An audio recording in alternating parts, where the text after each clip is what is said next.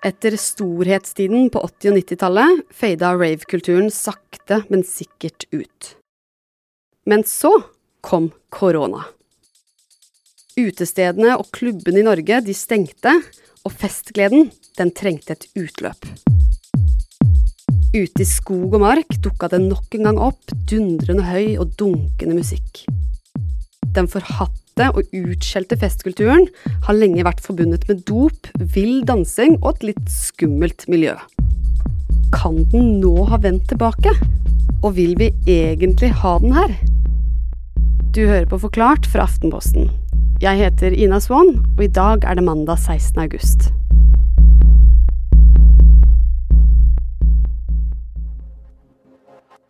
Det var en lørdag, og vi møter en gjeng unge mennesker i 20-årene på Jernbanetorget.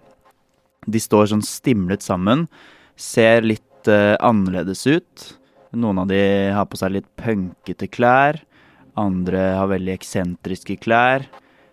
Noen har litt sånn band-T-skjorteaktig. Kommer bort til oss, og den første kommentaren vi får, er at vi ser veldig streite ut. Morten Svenke er journalist i Aftenposten og har den siste tida undersøkt rave-miljøet. Så går de på en eh, grønn buss. Grønn buss det betyr i Oslo at det er langt unna. Vi går av bussen, opp en eh, lang grusvei, kommer til et stort åpent område. Der er det en gigantisk grusplass som er rammet inn av noen uh, murkanter. Og de uh, får en lastebil til å kjøre opp med et svært anlegg, svære basskasser og noen sånne voldsomme topper som ser ut som en sånn flyalarm, nesten. Og de eh, rigger seg til, slår på et aggregat som de legger ut i skogen. Og noen timer senere så starter musikken. Det begynner med en sånn veldig støyende, enerverende lyd som bare øker og øker i intensitet. Det er ganske ubehagelig å høre på. Og så kommer eh, bassen. Og bassen går fortere og fortere. Det er eh, fire slag. Fire ganger fire. Og den basstromma, den går resten av natta. Det kommer flere og flere mennesker. Til slutt er det flere hundre, kanskje rundt 300 mennesker som står og danser livet av seg i en veldig fri form for dans. Dette er eh, rett og slett et rave-party. En dansefest som uh, kjennetegnes av at man møtes et eller annet sted og danser eh, fri dans til eh, ganske segregerende og konfronterende elektronisk dansemusikk. Og um, dette ble vi interessert i fordi vi så glimt av dette på Instagram. Det ser ut som at det har blitt flere av disse festene under korona. Og vi har i alle fall funnet seks miljøer som uh, driver med dette nå, og flere av de er ganske ferske. Og det er egentlig en uh, gammel idé som de, denne gjengen har blåst i live igjen. da. Ja, for det her er jo ikke en ny revolusjonerende måte å feste på. Nei, dette er en kultur som begynte på slutten av 80-tallet. Da var det helt annen musikk som dominerte. Det var uh, diskoens æra var over og måtte vaskes bort. Uh, pop og rock, dette er uh, a-ha sin storhetstid, ikke sant. Og den elektroniske musikken som vokste frem sammen med ny teknologi, det kom jo masse nye synter og duppedingser, den hadde ikke noen naturlig scene. Så det som skjer, er at eh, en ny form for eh, dansemusikk, acid house kaller man den, den stammer fra Chicago i USA, sprer seg utover Europa, får fotfeste særlig i England, og arenaen de finner for disse festene, eh, det må være utenfor det etablerte fordi de finner ikke plass i det etablerte. Nattklubbene er kjedelige og dølle, og de må ut og finne på noe nytt og gøy. De finner store plasser ute, lagerhaller, flyhangarer, og så tar de med seg et anlegg og inviterer eh, et knippe folk som de vet hvem er, eller iallfall en eksklusiv gjeng, til å komme på ravefest. Og dette fenomenet, det vokser. Det sprer seg utover hele Europa, og også i Norge dukker det opp ravefester. På klubben og utafor klubben. Men i politiets øyne så er ikke dette bare fest og moro, fordi de som er på rave-parties, eh, mange av dem tar partydop for å holde seg gående hele natta og få psykedeliske opplevelser sammen med denne musikken. Og eh, partydop er ulovlig, og festene var ofte ulovlige. De var uautoriserte på steder der man ikke hadde fått tillatelse til å ha fest. Så over hele Europa så gjør eh, politiet offensiver mot eh, rave-kulturen. Det skjer også i noen grad i Norge. Og veldig forenklet så blir denne rave-kulturen mindre og mindre i løpet av 90-tallet og tidlig 2000-tall, og dør sakte, men sikkert ut. Men musikken den lever uansett videre og blir mer og mer akseptert. Undersjangre oppstår, den elektroniske musikken smelter sammen med popmusikken og finner nye og større scener. Men noen ildsjeler de holder kjernen av rave-miljøet i gang, helt fram til i dag. Og nå, under korona, når alt stengte ned, er gjemte steder, sånn som denne grusplassen i skogen, i ferd med å fylles opp igjen. Så hvor stort er egentlig rave-miljøet i Norge nå? Det finnes ikke noe rave-register eller noe oversikt på billettservice her, så det vet vi faktisk ikke. Vi vet uh, litt om miljøet rundt i Oslo som vi har kartlagt. Vi har funnet minst seks miljøer som vi vet driver med dette jevnlig. Og inntrykket er at de er veldig forskjellige. De spiller forskjellig musikk, og de er i ulik grad profesjonelle. Noen av de oppfører seg veldig likt som en profesjonell eh, arrangør. Kanskje er, er, det til og med vakter der som de har eh, ordna selv. Men til tross for at det på mange måter kan være ganske profesjonelt, så kan det også noen ganger gå skikkelig gærent.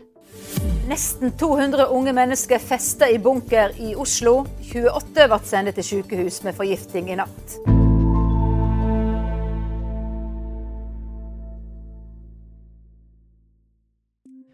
For et års tid siden så var det en gjeng ravere som hadde funnet et perfekt sted for et uh, skikkelig ulovlig rave-party. Det er en gammel bunkers som ligger på Sankthanshaugen midt i Oslo, som ikke er brukt til noe som helst. Men de brøt seg inn, og eh, da gjør man som man gjør på raves, man slenger inn et aggregat for å få strøm. Aggregatet driver eh, musikken og lyset eh, og lager festen, men det lager også kullos. Og denne kullosen den drev ut gjennom en dør som ble brutt opp, som ikke skulle være åpen. Og inn eh, steg altså denne gassen som alle festdeltakerne pustet inn. Det ble målt livsfarlige mengder med kullos i bunkeren i Oslo, der nesten 200 unge mennesker festet i natt. Den uh, ulovlige festen enda dramatisk. Midt på natta 28 festdeltakere ble sendt til sykehus med forgifting. Noen av festdeltakerne ble ordentlig, ordentlig dårlige av dette. Og Eh, flere fikk faktisk hjerneskade. Så det gikk ordentlig, ordentlig gærent. Og denne Rave Cave-hendelsen, hva førte det til? Ja, For folk flest så er nok ikke rave-party eh, noe de forholder seg til til daglig, men Rave Cave gjorde at dette var på alles lepper. Det var store overskrifter, og det ble knyttet til en veldig alvorlig, eh, uheldig hendelse. Så det jeg lurte på da vi fant ut at det var flere rave-miljøer, Eh, var om dette, denne hendelsen representerte eh, dem alle, og om de var så uforsiktige alle sammen. Så jeg snakka med Einar Itzøe Eidsvåg for å lære litt mer. Han er ekspert på elektronisk musikk for Music Norway og mangeårig eh, booker for nattklubber i Oslo. Det begynner med beina, men så begynner armene å gå. Og så blir det bare mer og mer bevegelse rundt eh, de to variasjonene der. Men jeg ser på meg selv som en ganske ålreit danser, altså. Og jeg syns det er godt å holde kjeft noen ganger også, bare danse. Jeg har inntrykk av at disse arrangørene som uh, arrangerer raves, er ildsjeler som bare brenner for uh, musikken de elsker. Og at de gjør det fordi de nesten sånn at de har et kall. Og de vil da arrangere en fest hvor det er den musikken som står i fokus. Så det er ganske kompromissløst sånn sett. da. Det tror jeg skiller hva skal man si, diskotekkveld framfor en ravekveld. At det er mer spissa. Men uh, når det kommer til sjangere som tekno og trans, så lever litt av den stigmatiseringa og stereotypen fra 90-tallet. Da, da, de ble kjeppjagd. Den lever litt uh, enda, så um, Sjangerrasisme eksisterer. Uh, mange, mange som hater på reggae, f.eks. Mange som hater på tekno. Uh, mange som hater på trans. Og så sier de at det er den og den typen mennesker. Men selv om rave-kulturen kanskje bærer med seg et visst stigma, så finnes det steder der raves har blitt mer allment akseptert. Og en by som ofte nevnes som et forbilde, det er Berlin. Se for deg at beina går. Armene, de følger etter. Klokka den blir ett, to, tre, fire, fem, seks, sju, åtte Ja, dere tar poenget. For Berlin det kalles nemlig en 24-timersby av en grunn. For flere av klubbene der de er åpne døgnet rundt, sånn at raverne aldri trenger å gi seg. Noe som er et veldig viktig poeng med rave. Men sånn er det ikke akkurat i Norge. Og Det er en stor stor forskjell, og jeg tror det er også grunnen til at uh, raves drar ut i skauen eller finner lokaler og sånn, sånn at de kan holde på så lenge de vil. Uh, og ikke nødvendigvis for å synde, men bare for å Kan godt kalle det liksom litt sånn stamme stammedans over flere timer. Og bare danse. Til musikken de elsker, da. Og jeg tror det er godt for, uh, for kropp og sjel et eller annet sted også. Så i Norge er vi med andre ord et godt stykke unna å kunne rave helt til sola står opp. På lovlig vis. Den gjengen jeg har snakka med, de skulle gjerne dratt på en klubb og fått eh, den musikken de elsket servert, så de bare kunne danset hele natten. Men uh, de mener at det ikke er mulig å få til en sånn scene med de rammene man har i Norge. Fordi her så stenger jo byen klokka tre, og drikkekulturen er ganske hard, så man vorser seg opp eh, drikker billig hjemme, kommer ut på byen kanskje 12-1-tiden, og så går musikken klokka tre. Og det er ikke forenlig med den type dansekultur eh, som dette er. Dette er en sugregerende eh, flyt som skal vare hele natten, og man skal komme og gå. Og man danser så lenge man orker, på en måte. Så de mener at eh, de ikke har noe valg, de må lage festen selv. Og hva sier eh, politiet da til at de lager disse festene selv og holder ulovlige raves? Det politiet sier til oss, er at disse festene er ulovlige. De bryter eh, kommunale regler. Men det mest bekymringsverdige i deres øyne er den risikoen som gjestene som er der, er villige til å utsette seg for. Og den, de da, den risikoen knytter de til bruk av partydop. Og det er risiko knytta til å bruke partydop, selv om dette ikke er typiske overdosestoffer. Og den risikoen den er, er uansett hvor du tar dette partydopet. Enten det er på byen eller hjemme eller på ravefest. Det raverne mener, er at uh, den risikoen er der uansett om de eh, flytter et anlegg ut i skogen eller ikke. Men så er det samtidig sånn at det er de som samler flere hundre mennesker langt utenfor uh, allfarvei.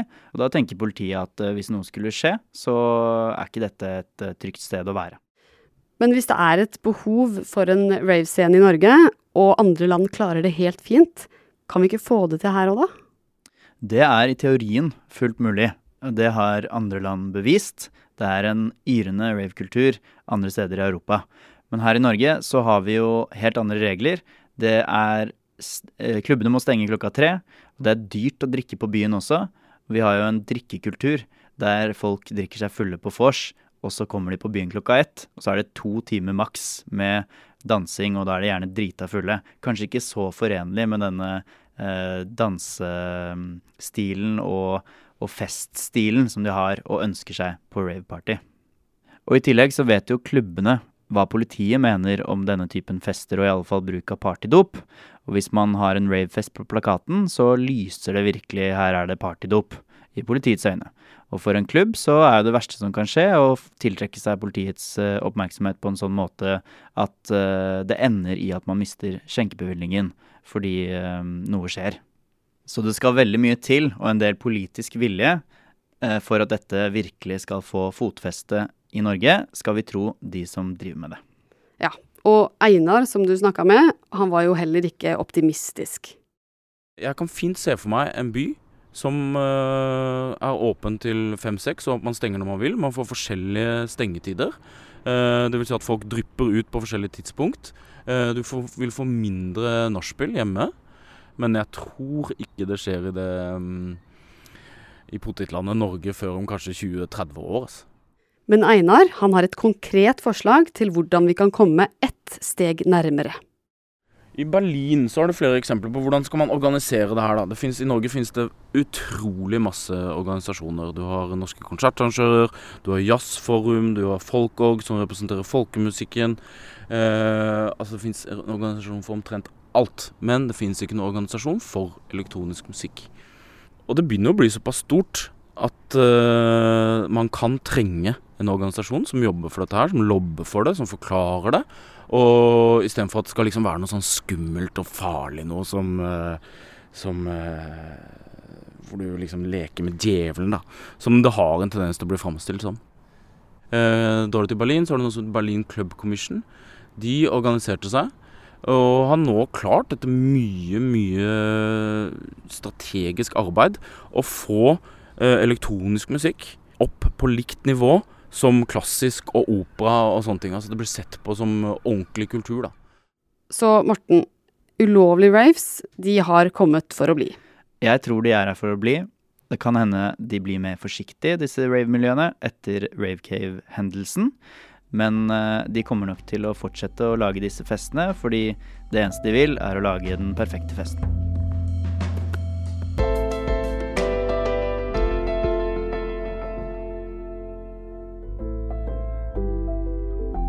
Denne episoden er laget av produsent Peter Daatland og meg, Ina Swann, for aller siste gang i Forklart. Resten av Forklart er Marit Eriksdatter Gjelland, Anne Lindholm, David Vekoni, Fride Nesten Onsdag og Guri Leil Skedsmo. Du har hørt lyd fra NRK.